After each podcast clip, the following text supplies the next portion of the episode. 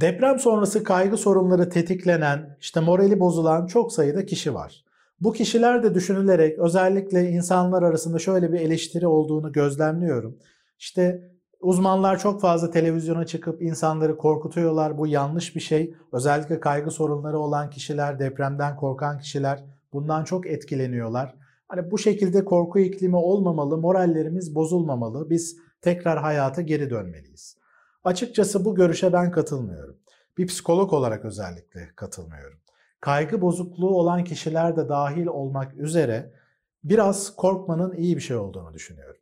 Ne demek istediğimi daha da detaylandırayım. Çünkü bazı meslektaşlarım da belki bu söylediklerime katılmayabilir. Şimdi moral bozukluğunun sanki en kötü şey, işte moralimiz bozulmasın, hep iyi hissetmeliyiz, asıl ideal olan budur şeklinde bir görüş olduğunu görebiliyoruz. Ama açıkçası burada bizim kriterimiz moral bozukluğu olmamalı.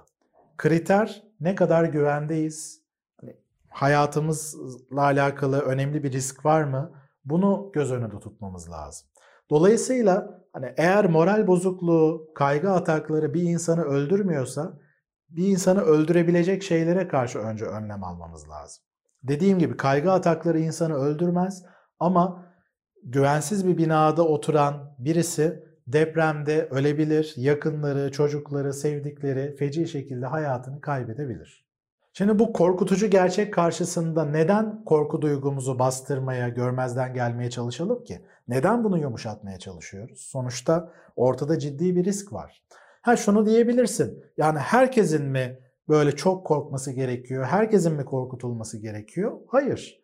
Eğer sen kendin için, yakınların için güvenli bir barınma imkanı sunduysan, bunu sağladıysan, gerekli önlemleri aldıysan bu noktada daha fazla korkmana gerek yok. Doğru. Belki haberleri de bu kadar fazla izlemeyebilirsin. Daha fazla korkmanın bir anlamı yoktur. Sonuçta güvendesin.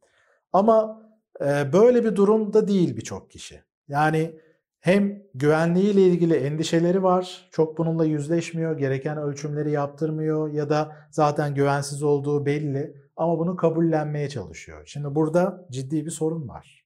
Tabii ki o zaman bünye kaygı duygusu üretecektir. Diyelim ki kaygı bozukluğu var birisinin. Ya bayağı o kaygı kısır döngüsünü yaşıyor. İşte uykuları etkileniyor. Dikkatinin büyük bir kısmı bu deprem korkusunda ama aynı zamanda da güvensiz bir binada oturuyor. Şimdi böyle bir kişi terapiye geldiğinde açıkçası biz bu kaygı halini rahatlatmaya çalışmayız. Yani çalışmamak gerekiyor. Bu zaten pek de faydalı bir süreç getirmeyecektir. Çünkü burada işlevsel olmayan bir düşünce yok. Yani kişi diyorsa ki hocam ben kay- bir şekilde beni kaygılandırabilecek gerçekten bir yerde oturuyorum. Güvensiz bir bina. Hani feci şekilde can verebilirim. Çocuklarım, eşim, dostum hani birçok kişi ölebilir. Bunu düşündüğümde de çok kaygılanıyorum. Şimdi bu noktada burada bizim analiz edebileceğimiz bir şey yok. Bu gerçekçi bir kaygı.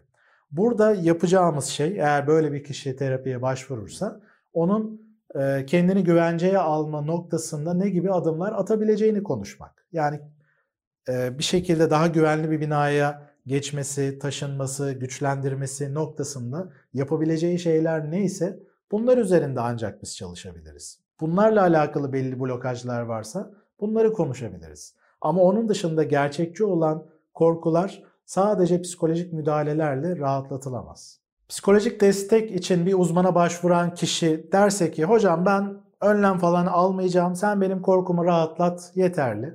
Bu noktada açıkçası bizim yapabileceğimiz bir şey yok. Ben yaparım diyen bir uzman çıkarsa evet yani insanlar imkanları yoksa bunu kabullenmeliler. Biz bunu rahatlatmaya çalışırız. O zaman açıkçası burada etik bir ihlal olabileceğini bile düşünebiliriz. Çünkü kişilerin gerçekle yüzleşmelerini engellemiş oluyor ve bu da ciddi riskler doğuruyor. Sence neden insanlar kendilerini e, güvenceye almak, hani asıl sorunları çözmek için gerekenleri yapmak, sorumluluk almak yerine daha çok kendini rahatlatmaya çalışmak, görmezden gelme doğrultusunda hareket ediyorlar. Düşüncelerini yorumlar bölümünde paylaşabilirsin. Konuyla ilgili diğer paylaştığım videoları da izlemen meseleye daha derinlikli bir şekilde bakmanı kolaylaştırabilir. Tekrar görüşmek üzere.